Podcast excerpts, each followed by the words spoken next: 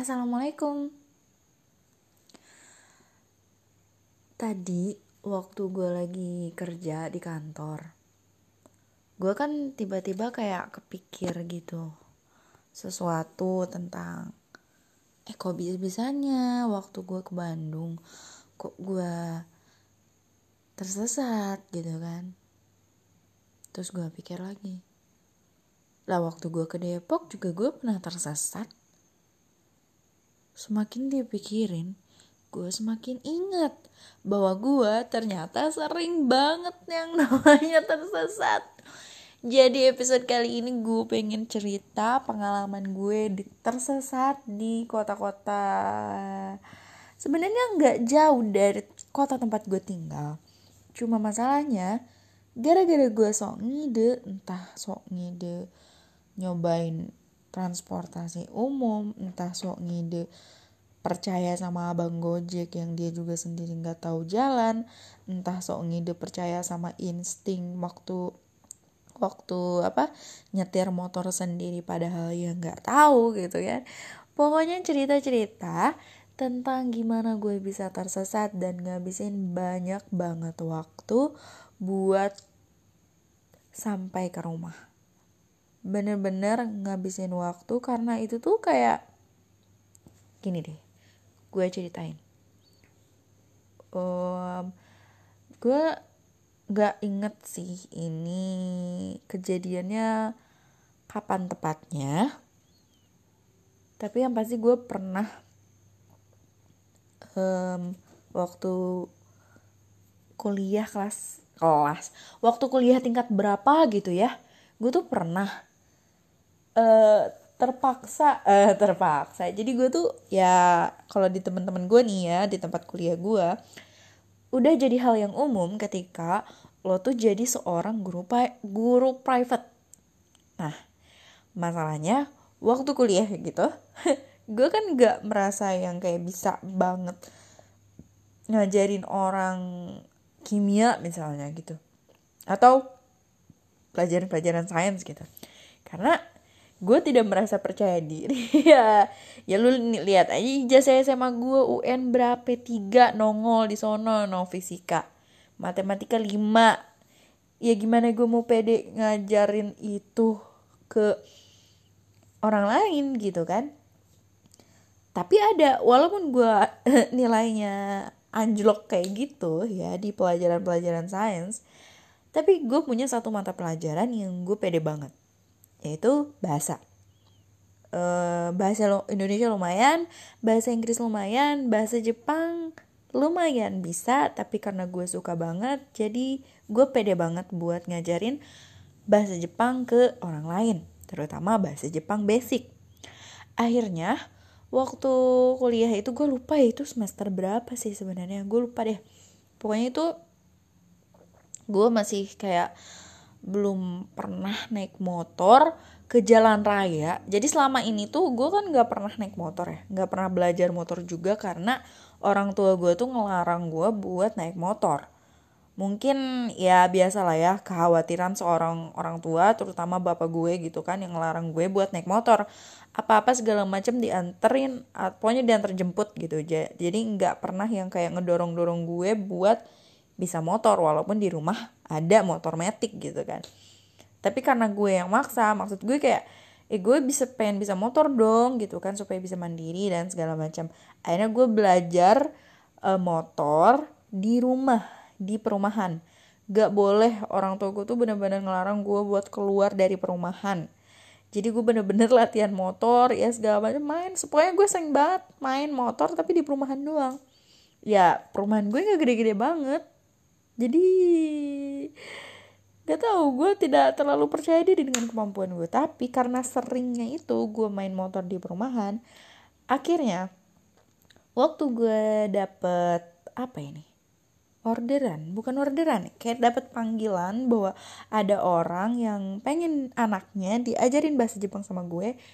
Tapi pas gue tanya rumahnya di mana ternyata rumahnya di Cijeruk. Asal lu tahu gue nih tinggal di Bogor kota. Di Bogor yang mepet Sentul. Apa ya?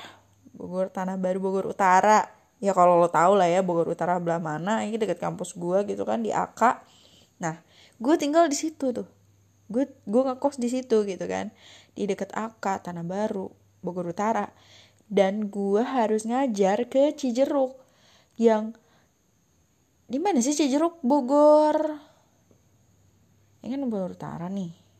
Bogor Barat sono. Bogor Timur gak sih? Ya antara Bogor Timur atau Bogor Selatan gitu deh. Pokoknya yang bener-bener kayak lawan arah dari tempat gue gitu. Dan Cijeruk ini deket banget sama Sukabumi. Jadi kayak jauh banget gitu dari tempat gue tuh. Bahkan dia bisa tembus Sukabumi artinya ya udah hampir ninggalin Bogor gitu kan yang benar-benar kabupaten gitu kan. Ya waktu itu gue lagi semangat semangat banget buat ngajar bahasa Jepang gitu kan. Terus gue juga apa namanya uh, seneng gitu ketika dapet uh, panggilan buat ngajar bahasa Jepang. Wah itu gue lagi semangat semangat banget pokoknya.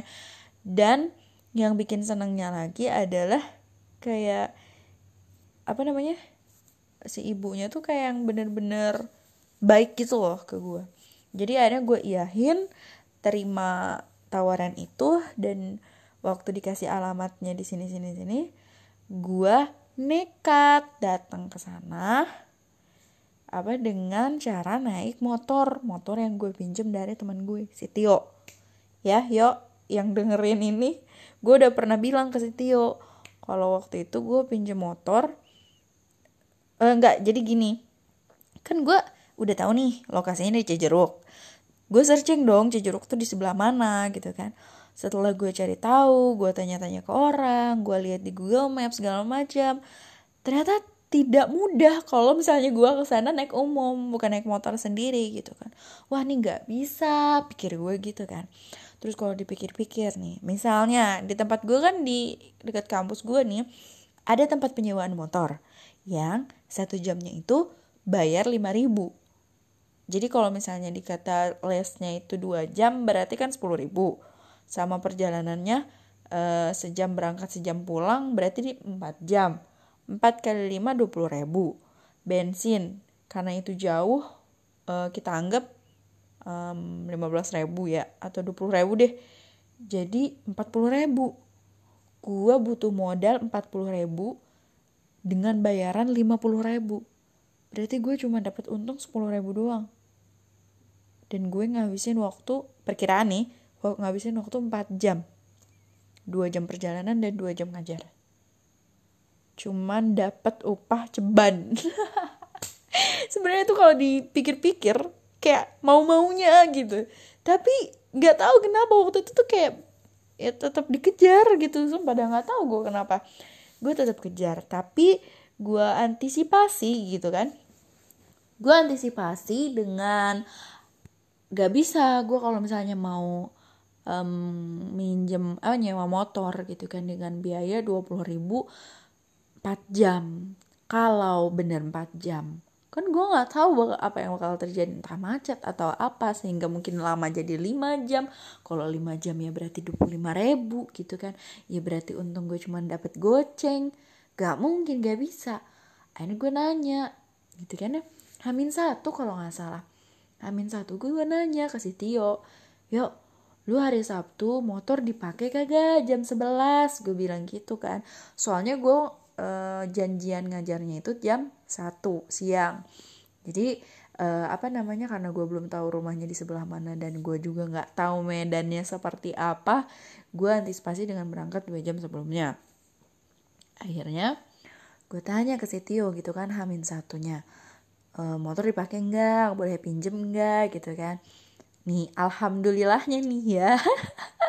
Alhamdulillahnya si Tio tuh nggak pernah tahu kalau gue tuh sebenarnya belum pernah naik motor ke jalan raya. Asli soalnya pas gue bilang kayak gitu yuk boleh pinjam motor nggak jam 11 sampai sore kayaknya gue bilang kayak gitu kan. Terus dia bilang boleh jah. Boleh jah dengan semudah itu dong seorang Tio emang parah baik banget nih orang. Akhirnya Eh, sesuai janji gitu kan jam 11 gue ke kosan dia di Boboiboy terus gue jemput motornya. Gue pakai helm segala macem gue pakai jaket. Pokoknya gue mempersiapkan yang benar-benar mempersiapkan. Ya di situ kan gue belum punya sim juga ya. Ya iyalah gila lo itu aja gue pertama kali ke jalan raya. Punya sim dari mana ya? Pokoknya di situ gue nggak punya sim tapi gue ya apa megang stnk gitu kan. Terus gue juga uh, pakai apa pengaman kayak jaket helm sarung tangan. Pokoknya itu lengkap semua seminimal li, seminimal mungkin resiko ditilang istilahnya kayak gitu kan. Akhirnya gue berangkat mulai ninggalin tanah baru. Itu gue deg-degan parah deg-degan banget. Karena itu pertama kalinya coy. Dan gue nggak bilang ke orang tua gue kalau gue keluar uh, ke jalan raya naik motor. Gue nggak bilang. Gue cuman kayak mau berangkat ngajar dulu gitu. Cuman bilang kayak gitu doang ke Umi kalau nggak salah bukan Kalbi itu juga ke Umi. Mau berangkat ngajar dulu gitu kan. Masih di Bogor kok gitu. Iya di Bogor kabupaten. Ini nih putih telurnya Bogor gitu kan. Yang luas banget gue nggak tahu di mana gitu kan. Akhirnya gue berangkat pelan pelan banget ya kalau misalnya gue mau belok tuh selalu pasang sen. Kalau gue mau nyusul ya selalu pasang sen. Eh gue nyusul apa enggak ya? Gue aja lupa. Kayaknya gue nggak nyusul deh kecuali yang kayak bener-bener gue punya kesempatan gitu buat nyusul. Soalnya gue kayak bener-bener hati-hati ya. Iyalah pertama itu bukan motor gue gitu kan. Kedua ya nyawa gue gue juga nggak tahu kan kemampuan gue tuh sebenarnya bisa atau enggak jalan di jalan raya. Tapi ya gue pede aja akhirnya. Karena terpaksa coy kepepet nggak kepepet sih sebenarnya. Duit yang gue dapet juga nggak akan segede itu. Tapi nggak tau lah nekat aja lah pokoknya nekat aja. Gue berangkat. Ini masih di jalan tanah baru tuh kan kayak jalan kecil gitu ya lu tau pomat? Ya pokoknya kayak jalan kecil gitu loh yang angkotnya juga lelet banget cuman satu gitu kan angkot 17 terus mobil nggak terlalu padet lah gitu walaupun jalannya kecil tapi kan mobilnya nggak terlalu padat jadi masih bisa kayak nyusul nyusul kayak gitu. Masih aman nih. Sampai gue ke Baranang Siang. Di Bandara Siang nih jalan Pajajaran. Sumpah itu jalan gede banget yang literally jalan utama Bogor gitu. Yang mobilnya banyak banget mobil bagus-bagus semua yang kalau ke gores aja lu bisa jual ginjal atau segala macem. Pokoknya yang bener-bener lo tuh harus hati-hati aja dikelaksonin dikit aja kalau mental mental lu lemah udah udah udah panik lu. Kayak gitu. Itu bener-bener yang kayak deg-degan. Ya allah itu mas panjang jalan kayaknya gue berdoa mulu. Itu ayat kursi ayat kursi gitu ya. Uh, falak binas kalau allah wahad falak manas gitu kan. Bener-bener kayak berdoa. Pokoknya gue nggak dengerin musik. Gue fokus ke jalan dan sebelumnya gue kayak sarapan dulu yang bener. Gue sampai bekal air putih buat kayak supaya fokus gitu kan. Gue mana di jalan bar eh di jalan baru. Gue kan di jalan si jalan jalan kan gue harus muter balik gitu kan buat pergi ke arah Empang ke arah BTM terus ke bawah gitu kan kalau gue lihat mapsnya. Dan itu deg-degan banget sih parah buat muter jalannya karena da gue dari kiri harus ke kanan supaya bisa muter gitu kan supaya bisa di arah putaran rambu putaran gitu. Itu gue deg-degan banget. Pokoknya mana masuk ke daerah apa namanya uh, eh, SSA gitu kan sistem satu arahnya um, ini kebun raya Bogor gitu kan. Terus gue lurus ke mana? Ke arah Empang. Ya pokoknya gue ngikutin maps lah kayak gimana. Terus gue ke arah SMA berapa sih tuh SMA 3 bukan siapa? SMA berapa? SMA 4 SMA 4 ya? Oh SMA 5 ya gak sih? So tau banget. Pokoknya SMA 3 mah kan di sini di Cigalet pokoknya situ ya. Nah habis gitu pokoknya gue bener-bener lama banget. Ya karena gue nyetirnya juga yang kayak bener-bener hati-hati gitu loh yang kayak di kiri yang kayak gak bisa nyusul gak bisa ngebut juga yang bener-bener pasang sen merhatiin sen orang merhatiin klakson orang. Pokoknya bener-bener aware banget gitu. Nah udah gitu sampai lah gue kan bentar dikit-dikit nih nemu pertigaan dikit gue berhenti gitu kan uh, buat lihat maps gitu sejalan lagi kalau udah nemu jalan. Sebenarnya itu nggak mulus juga gue jalan ke rumahnya si Faza. Ini kan namanya Faza perempuan. Kenapa gue harus klarifikasi Faza perempuan apa kagak ya? Pokoknya si Faza ini gue harus ke rumah si Faza ini nggak mulus yang dari awal ngikutin maps terus gue nyampe ke rumahnya gitu. Enggak asli. Kenapa? Soalnya pas gue udah jauh nih udah lewatin empang sono sono sono udah mulai ini gue entah berada di mana gitu kan. Dan gue tetap ngikutin map segala macem gitu. Gue benar melewati kayak uh, perde pedesaan tempat sepi. Terus tahu-tahu gue ada di jalan yang bagus tahu-tahu gue ada di jungle. Lo tau gak sih the jungle? The jungle tuh kayak snow bay. Apa itu? Waterboom ya kolam renang kolam renang gitu kan. Gue kayak kaget gitu gue sampai takjub sendiri. Gue berada di depan the jungle gitu. Gue kan ke the jungle itu terakhir waktu SMP kelas dua apa kelas satu gitu. Nah itu di situ saat itu gue ngelewatin itu lagi gitu kayak ya allah waktu SMP gue ke sini naik bis yang kayak tidur di bis tahu-tahu nyampe gak tahu gimana caranya bisa nyampe sini sekarang gue nyampe ke sini pakai motor gitu kan. Kayak wow that's great me gitu kan kayak takjub gue sama diri gue sendiri. Bisa nyampe di apa namanya di jungle gitu tempat wisata gitu kan dari situ gue mulai bingung. Karena mulai dari situ tuh bener-bener yang kampung gitu loh yang kayak ini gue bener apa kagak jalan? gitu kan. Sampai akhirnya gue ragu terus gue balik lagi ke sini jungle nih udah masuk kampung gue ragu gue balik lagi ke sini jungle dan ternyata hujan gede banget. Situ gue pakai jas hujan karena seperti biasa gue sudah prepare. Gue tuh anaknya prepare banget asik. Ya, pokoknya gue udah prepare jas hujan dan akhirnya gue pakai tuh si jas hujan. Terus gue sambil berteduh dulu kan jadi di depan di jungle itu kayak apa namanya kayak ada underpass gitu. Gue nggak paham sih itu underpass atau apaan. Pokoknya kayak ada kayak underpass gitu dan karena hujannya gede banget banyak banget motor yang emang berteduh di situ kan. Akhirnya ya gue ikut ikutan berteduh di situ dong. Hitung hitung gue istirahat dan sekali lagi ngeliat maps supaya bisa sampai ke rumahnya si Faza ini. Akhirnya setelah bertahan perjuangan sekian jam gitu kan ya yang kalau nggak salah gue tuh nyampe di rumah si Faza itu jam satu lewat. Jam satu tiga puluhan. Artinya apa? Gue dua setengah jam coy di jalan dua setengah jam yang harusnya normalnya gue lihat di maps itu cuma sejam. Gue dua setengah jam. Akhirnya gue nyampe di rumahnya si Faja yang ternyata benar-benar kampung. Maksudnya gini loh gue kan dari ke Bogor kota udah ngelewatin kebun raya Bogor udah ngelewatin jalan utama Bogor udah ngelewatin di jungle mall segala macem. Dan ternyata gue masuk ke sebuah kampung yang bener-bener jauh bahkan kagak ada sinyal gue di rumah dia. Gue ngajar set set set set dua jam pulang. Gue pulang jam tigaan abis sholat asar gue pulang dan ternyata gue tidak langsung dibayar. Gue dibayar lewat enggak.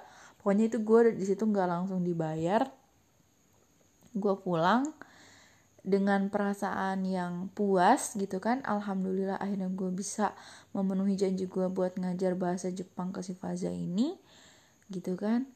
Terus juga ya gue seneng aja gue bisa jalan-jalan sehebat itu untuk pertama kali gue naik motor ke jalan raya.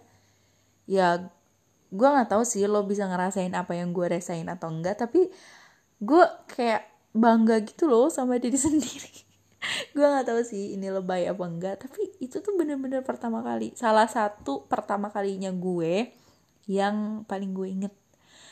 Di situ gue nggak yang bener nggak ah di situ gue nggak ngerasa kayak lagi tersesat tapi gue ngerasa kayak ya emang ini journey gue gitu ini adventure gue gue bener-bener menikmati setiap perjalanan gue yang dua jam setengah itu gitu pulangnya gue sekitar satu setengah jam. Ya lebih cepet karena gue udah hafal dan gue cepat beradaptasi dengan jalanan gitu.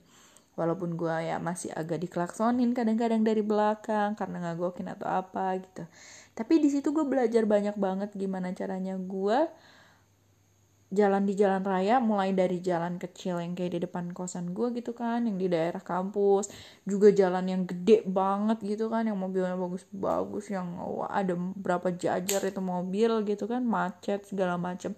Sampai ke jalan kampung yang licin abis hujan.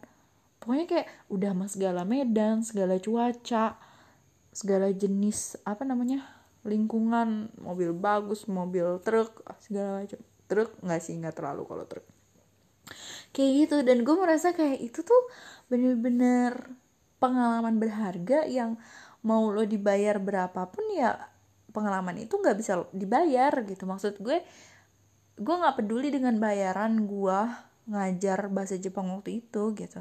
Karena gue merasa pengalaman itu yang udah ngebayar gue dan gue sangat-sangat berterima kasih pada keluarganya Faza yang udah bikin gue jadi berani buat keluar rumah naik motor. Coba kalau nggak kayak gitu gue kapan terpaksa naik motor keluar? Gitu kan? Itu bener-bener ngajarin gue kayak wah ternyata gue suka gitu kan? Ternyata gue suka yang namanya jalan-jalan keluar naik motor ke tempat antah berantah dan ngerasain hal-hal baru yang walaupun kadang-kadang emang gue nya aja yang blow on gitu. Contohnya gue pernah tersesat di mm, Depok dua kali.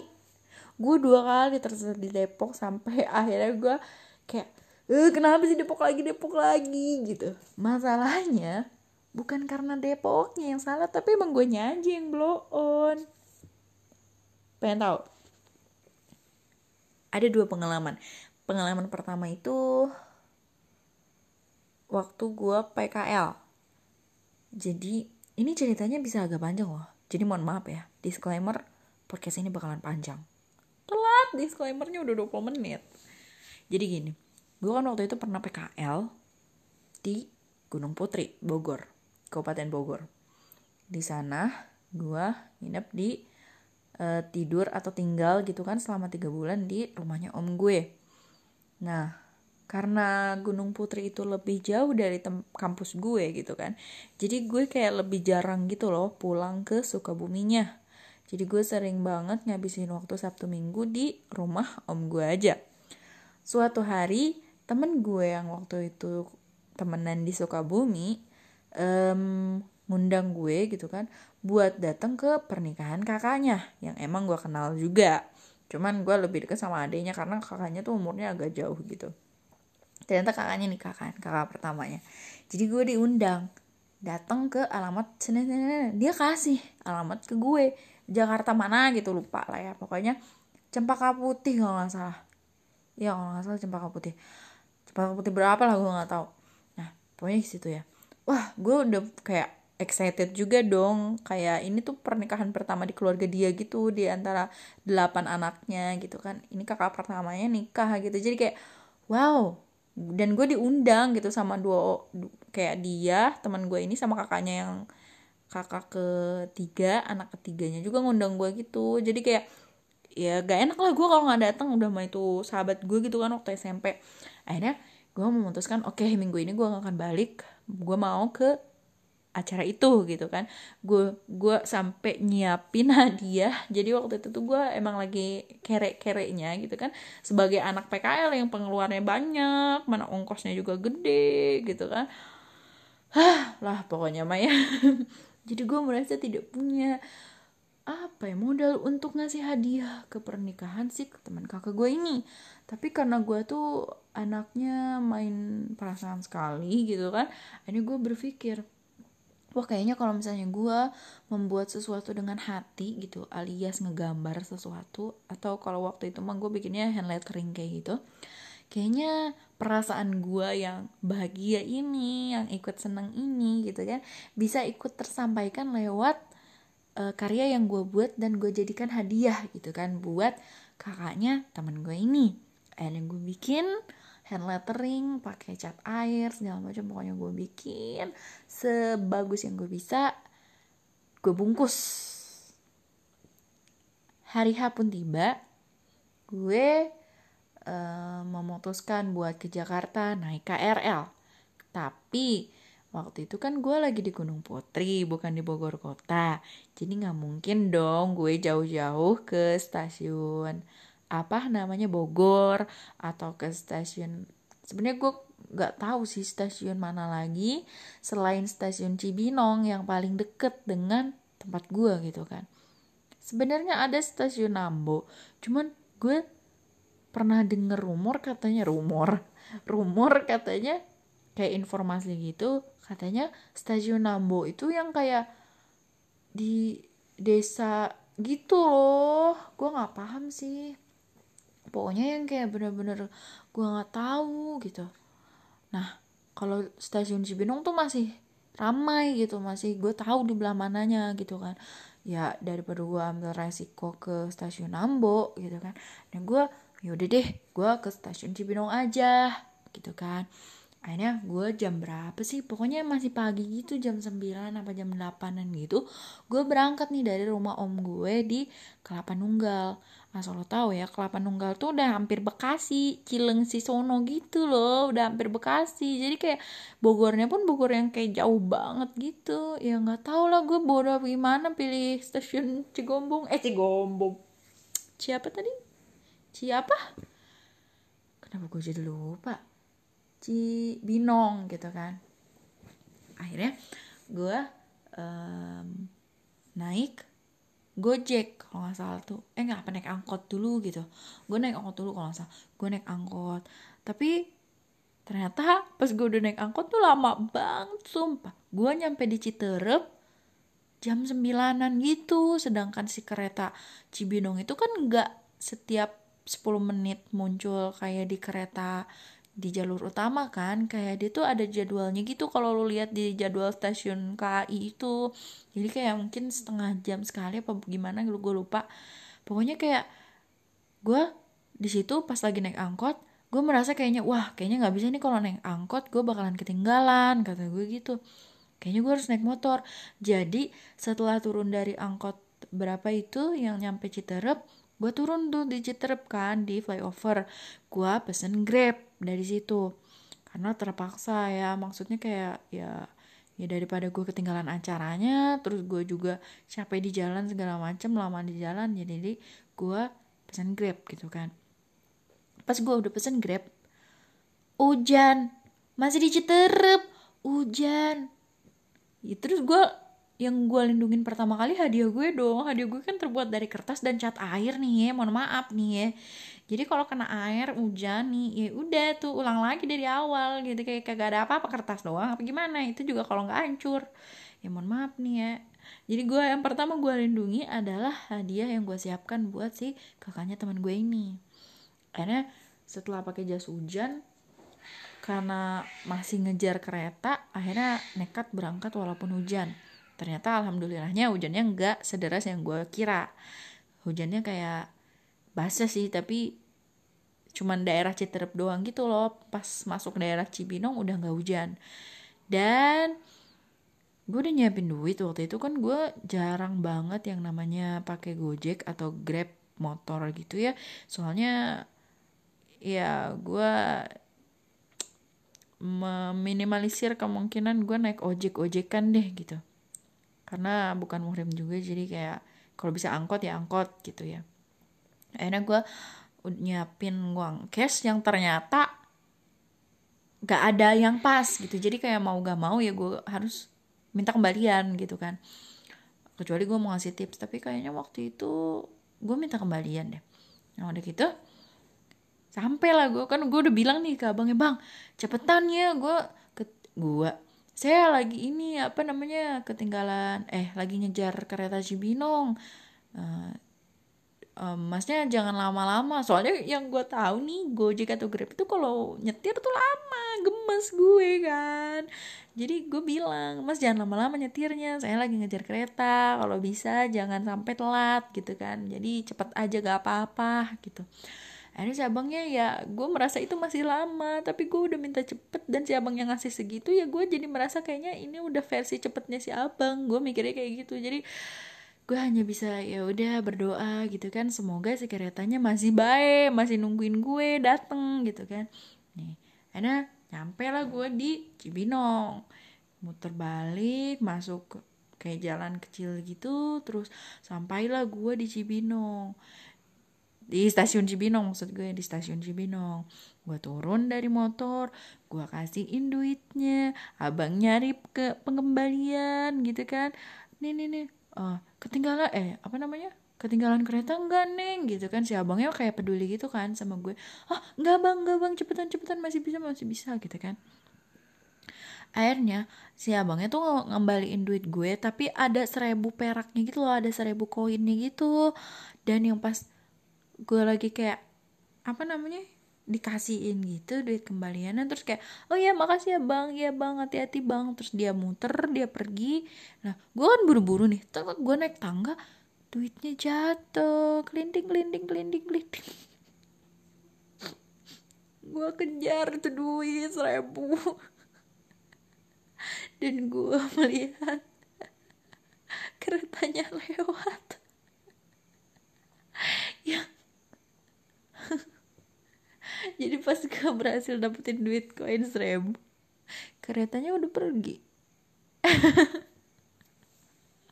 Nggak tahu ini gara-gara koin entah gara-gara hujan entah gara-gara kecepatan motor entah gara-gara gue gara naik angkot atau gue kurang pagi berangkatnya tapi gue nggak pernah nggak paham. Karena gue melihat sendiri tuh si gerbong keretanya pergi meninggalkan stasiun.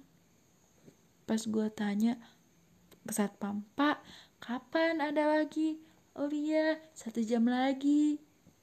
Apa 45 menit? Pokoknya kereta berikutnya masih lama deh gitu. Ah, sabar sabar. Ku menangis. Pokoknya itu gue kayak hmm, barusan gue melihat keretanya pergi gitu. Tapi ya udahlah ya ikhlasin di situ udah jam 9 dan gue gue inget banget di situ gue nunggu sampai jam 10-an sampai keretanya datang tak gue udah sholat duha gue udah nonton TV yang membosankan dan isinya berita gue udah ngeliatin orang sekeluarga entah mau pergi ke mana ada bule pula yang bajunya kaos uh, seadanya gitu. Sedangkan apa namanya orang pribumi aja. Dan dan secantiknya orang bule pakai kaos putih sama celana pendek doang gitu kan. Terus juga ngeliatin bapak-bapak yang apa namanya tidur di kursi tunggu terus gue pengen duduk kagak ada kursi gitu kan. Gue udah ke kamar mandi udah touch up udah balik lagi keluar udah ngeliatin orang bucin. Pokoknya segalanya udah gue lakuin dan sumpah gue udah lakuin. Gue udah apa namanya ah udah baca bacain peraturan semua bacain semua ada tulisan apa pun di sana gue bacain. Gue di situ gue bener-bener nunggu sejam yang kayak mana nih ya?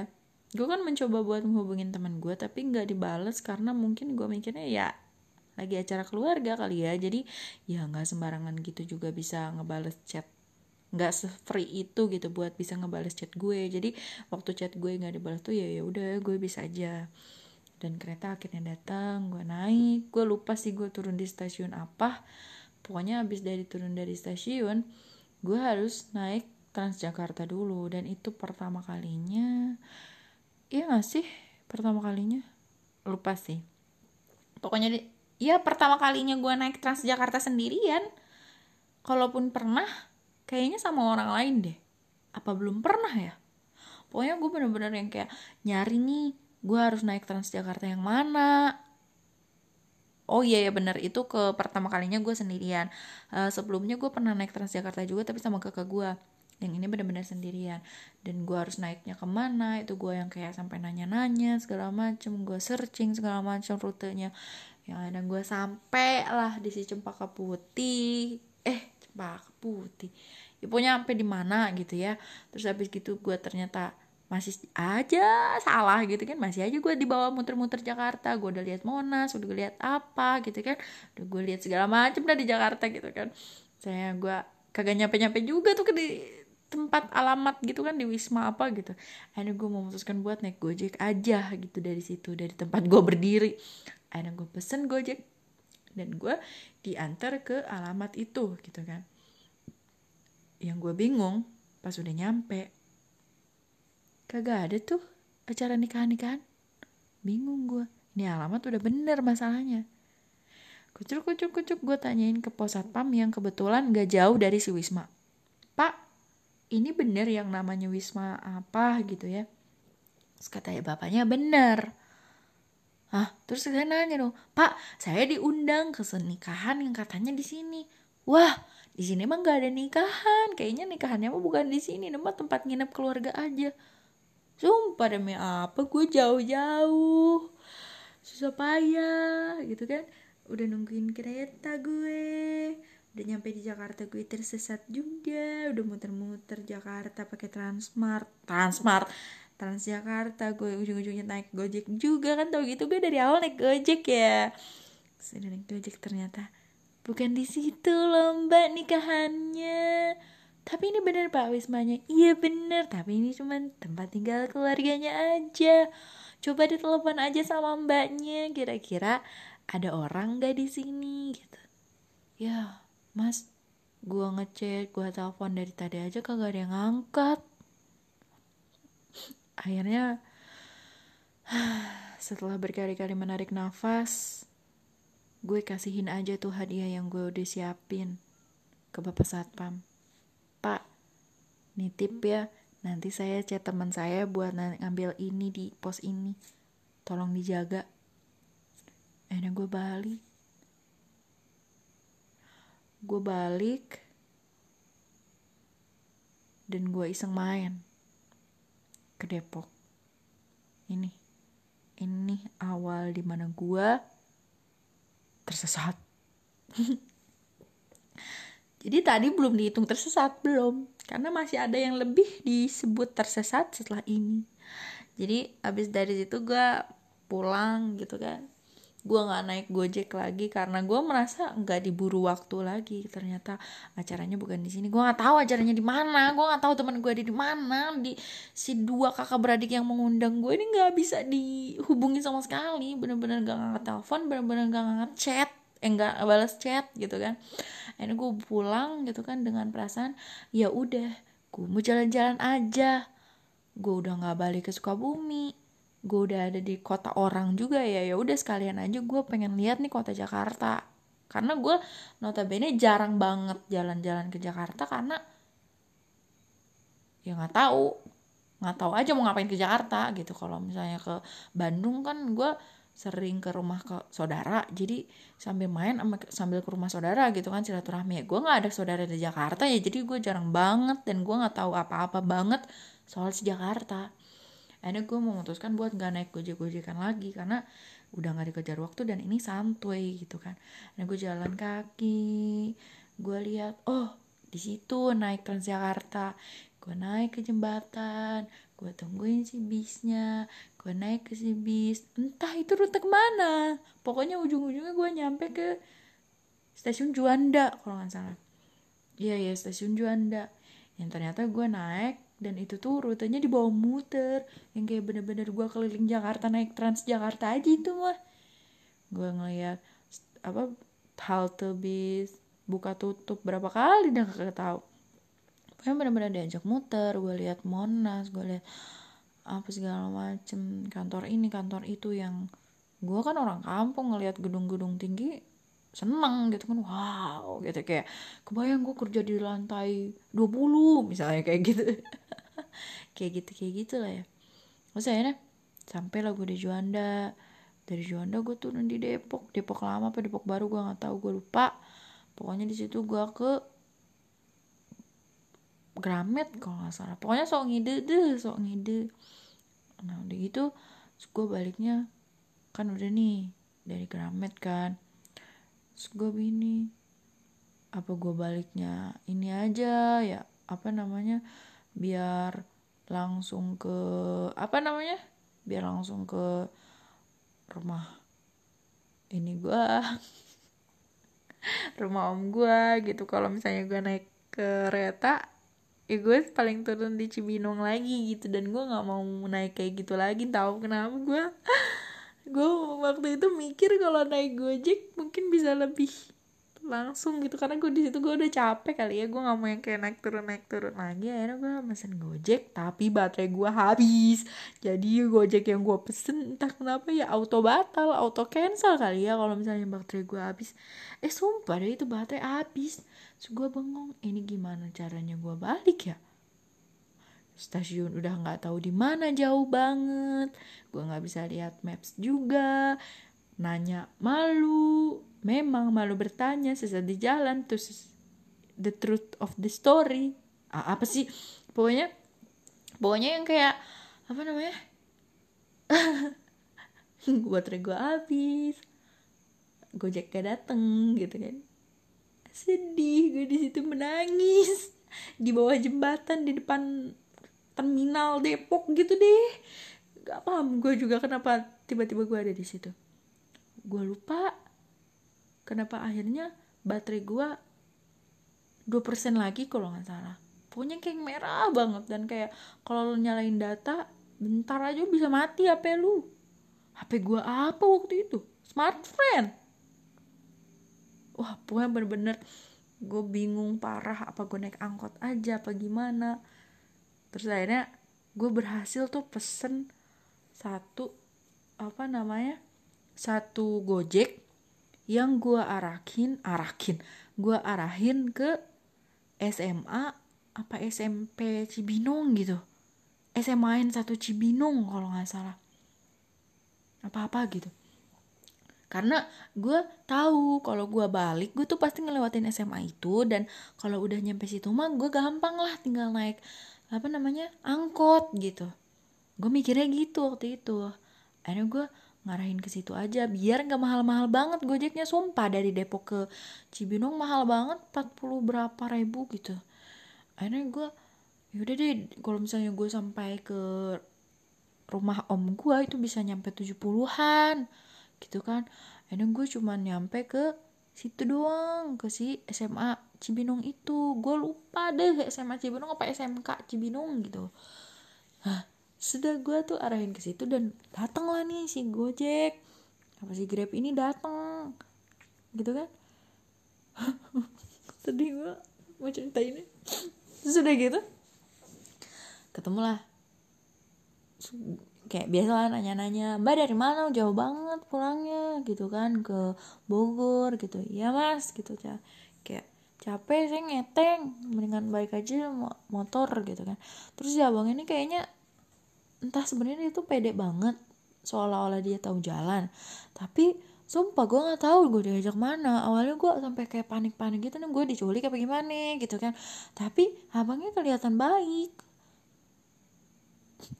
Terus gue nggak tahu itu gue di mana sih gue nggak tahu di mana. Itu lewatin jalan apa gue nggak tahu sumpah. Itu jalanan kampung yang jalan pintas gitu nggak paham sumpah. Ampe itu kan udah sore gitu ya sampai ada maghrib dong maghrib. Di jam setengah tujuhan gitu. Dan gue melihat gue di daerah perkampungan gitu. Terus dia bilang udah nyampe mbak. Hah? Bentar. Ini di mana? Ini di mana? Sumpah ini di mana? Itu hati gue bilang gitu tapi muka asli gue bilang bilang gini oh iya benar udah nyampe. Ini kan neng tujuannya? Ini kan neng tujuannya ini gue klik SMK apa SMA apa? Gitu benar-benar kayak ini di mana? Gue pengen kayak ya Allah ini apa sih? Ini di mana? Terus akhirnya uh, kayaknya tapi ini kayaknya pintu belakang deh neng. Coba kita cari jalannya supaya pintu pintu depan kata abangnya gitu. Oh iya bener bener boleh juga tuh kata gue gitu kan. Soalnya kenapa? Mungkin iya bener. Itu pintu belakang yang yang gue lihat selama ini adalah pintu depan. Akhirnya gue iyahin gitu kan. Supaya bisa ke pintu depan aja setelah jalan muter-muter gue ngeliat pasar malam. Tidak menemukan pintu depan. Abangnya malah bikin gue jadi tersesat. Terus dia bingung gue juga makin bingung. Terus gue bilang gue kan akhirnya nemu masjid di depan si pasar malam. Kata gue gini bang bang udah deh nggak apa-apa di sini aja. Kayaknya udah deket. Rumah teman saya udah deket kok. Saya di sini aja mau sholat dulu soalnya tuh ada masjid. Sabangnya eh beneran nih nggak apa-apa. Iya nggak apa-apa. Terus gue bayar 47 ribu kalau nggak salah. Sabangnya pergi. Terus gue sholat aja gue nggak tahu dah. Yang penting gue sholat dulu dah. Gue nggak tahu gue balik gimana. Terus akhirnya gue abis sholat kan ya gue meratapi sih kayak habis ini gue harus ngapain? Baterai gue habis. Duit gue udah habis berapa puluh ribu cuma buat ongkos. Beratus ratus kali gue nggak paham sih. Akhirnya gue dengan ya udahlah gimana Allah aja lah gitu kan. Akhirnya gue keluar terus gue menemukan warung gak jauh dari si masjid gitu kan. Akhirnya gue tanya bu boleh ikut ngecas HP nggak gitu. Akhirnya gue dipinjamin casan ya di situ gue ngecas dan gue bersyukur banget ibunya baik banget. Kayak silakan duduk silakan duduk gitu kan. Terus akhirnya gue ngecas dan gue ngecek tadi gue gojek pesan ke mana kalau nggak salah tuh ke SMK jadi harusnya gue SM uh, titiknya tuh harusnya ke SMA dan gue tuh malah ke SMK dan gue nggak tahu ini di belah mana. Akhirnya akhirnya gue akhirnya gue pesen lagi gojek dari situ ke rumah om gue yang kalau nggak salah sekitar 40 ribuan juga dan gak lama dari situ akhirnya gue sampai eh apa? Ya dateng abangnya gitu. Udah bapak-bapak tua. Sampailah di rumah om gua. Jam 8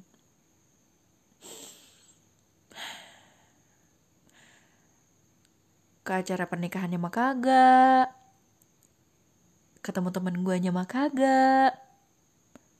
Tersesat iya abis duit iya.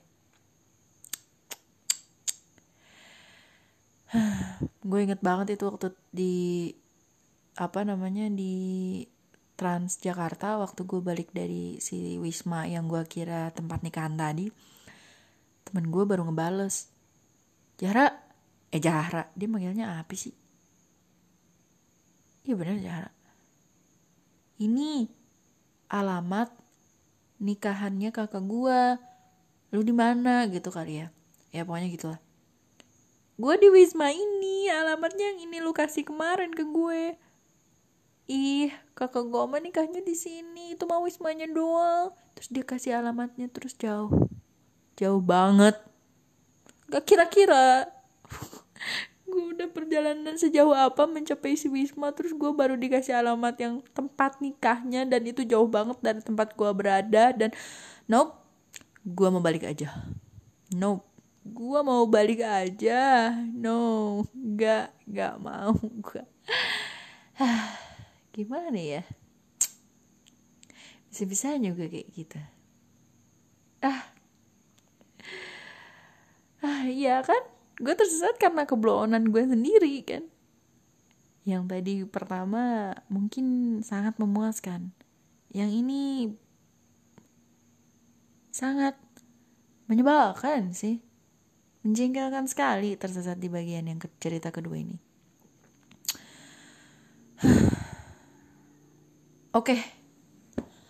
Gak kerasa udah 47 menit dan gue udah sampai berbusa-busa ngomong sendirian. Gitu kan. Gak kebayang kalau gue harus nyeritain semua pengalaman tersesat gue. Dan tadi gue bilang kan gue tersesat dua kali di Depok. Sisanya kayaknya dibahas di lain waktu aja deh. Soalnya kalau diceritain ini cerita bisa jadi dua jam gitu podcastnya kan. Bahaya kagak ada yang dengerin yang ada tidur semua orang. Gitu kan? Jadi kita sudahi saja. Intinya dari cerita gue kali ini gue mendapatkan dua pengalaman. Berharga dan membekas gitu kan. Yang pertama gue suka jalan-jalan walaupun gue sendirian. Gue suka jalan-jalan naik motor. Pun kalau nggak naik motor misalnya kayak naik kereta gitu kan atau kalau gue bisa mobil ya gue pakai mobil gitu kan. Yang penting gue suka jalan-jalan walaupun gue sendirian. Gue suka jalan-jalan ke tempat yang gak tahu ke mana. Gue suka tersesat gitu kan di tengah jalan ketika gue mau ke suatu tempat gue suka. Tapi yang gue nggak suka adalah pelajaran yang kedua ini yaitu ketika dalam perjalanan itu gue berharap sama seseorang. Entah itu berharap dalam ya kayak tadi gitu ya temen gue gitu kasusnya. Atau ketika ada uh, apa ya namanya gue berharap nih partner yang pergi sama gue ini bisa apa namanya bisa sesuai ekspektasi gue dan ternyata nggak mungkin itu bakalan terjadi. Pasti ada aja sesuatu yang ketika kita mengharapkan ke orang lain dan orang lain itu nggak bisa memenuhinya ya itu wajar. Pasti terjadi dan ya gue nggak nggak bisa kayak gitu. Ketika gue jalan dan gue ada orang yang berkaitan sama perjalanan gue itu yang ketika perjalanan gue itu bisa jadi tidak sesuai rencana gue ya gue nggak boleh nyalahin orang itu gitu. Ngerti gak sih maksud gue kalau nih kalau yang perjalanan pertama gue cerita tentang perjalanan pertama itu kan gue bener-bener kayak bukan salah siapa-siapa ketika gue tersesat bukan salah siapa-siapa ketika gue yang harusnya sejam perjalanan bisa jadi dua jam setengah itu bukan salah siapa-siapa bukan salah si Faza misalnya bukan salah keluarga Faza yang nyuruh gue datang enggak. Karena emang gue nya sendiri gitu kan yang datang dan gue bener-bener menikmati perjalanan gue yang walaupun lama dan panjang dan ber berbagai macam perasaan deg-degan gitu maksudnya. Tapi di perjalanan gue yang kedua gue punya harapan besar bisa ketemu sama teman gue bisa apa namanya foto-foto di acara ulang eh, ulang tahun di acara nikahannya kak temen kakaknya temen gue bisa ngelihat mereka senyum karena ngelihat hadiah gue atau gue bisa apalah gitu. Dan gue datang karena invite dari mereka gitu. Tapi ternyata tidak semulus yang gue kira. Bahkan gue nggak sempet ketemu sama mereka sama sekali gitu. Gue di situ kecewa berat dong gue di situ kecewa berat karena ekspektasi gue bener-bener hampir 180 derajat. Gak sesuai. Gue bahkan ngabisin waktu uang ngabisin tenaga. Alhamdulillahnya gue nyampe gitu ya di rumah om gue walaupun jam 8 malam dengan habis duit yang gue nggak tahu lagi padahal itu gue belum dikasih duit lagi sama orang tua. Padahal hari seninnya gue harus PKL lagi ongkosnya mahal gimana ceritanya kalau gue tersesat terus gue nggak bisa balik gitu kan? Gimana ceritanya kalau gue tersesat tapi gue gak bisa ngecas HP gue mau balik jalan kaki. Gue mau ngegembel gitu sampai besok pagi. Kan gak ada yang tahu. Dan gue ngerasa saat itu gue gak bisa menikmati perjalanan karena dari awal gue keberangkat tuh gue di invite gue gue kesel banget sih nginget ini pun gue kesel gitu. Iya jadi gue apa ya? Mungkin dari awalnya gue kurang ikhlas kali ya. Cuman karena nggak enak udah diundang akhirnya gue ngelakuin itu dengan tidak sepenuh hati sampai akhirnya ya gue tidak bisa menikmati apa pun yang terjadi gitu. Padahal kalau misalnya dari awalnya gue ikhlas bisa aja gue menikmati perjalanan itu. Tapi karena dari awalnya gue terpaksa karena nggak enak yang membekas di hati dan pikiran gue tentang perjalanan itu adalah kebloonan gue gitu dan penyesalan. Gak, tersesat yang waktu itu tuh nggak menyenangkan gitu. Beda dengan tersesat-tersesat gue yang lain walaupun gue blow on tapi itu menyenangkan. Kalau yang ini tuh emang agak nyebelin ya ya udah lumayan bisa jadi apa ya bahan cerita dan pelajaran juga sih. Ya udahlah ya segitu aja uh, cerita gue di episode kali ini. Kalau misalnya emang gue masih ada kesempatan buat bikin part 2 nya tentang cerita-cerita tersesat gue yang lain ya gue bakalan bikin. Dan insya Allah kalau misalnya masih ada ide-ide lain bakalan gue ceritain juga di podcast-podcast gue yang lain jadi jangan lupa klik tombol like-nya follow gue di uh, Spotify dan juga kalau misalnya mau dengerin gue di Anchor atau di Google Podcast juga bisa. Lo juga bisa follow IG gue, nanti gue masukin di deskripsi Spotify ini yaitu ZRF Dila. Nanti di sana ada link tree, lo bisa klik semuanya deh. Follow gue di semua platform. Lebay. Ya udah segitu aja dari gue. Selamat malam. Assalamualaikum.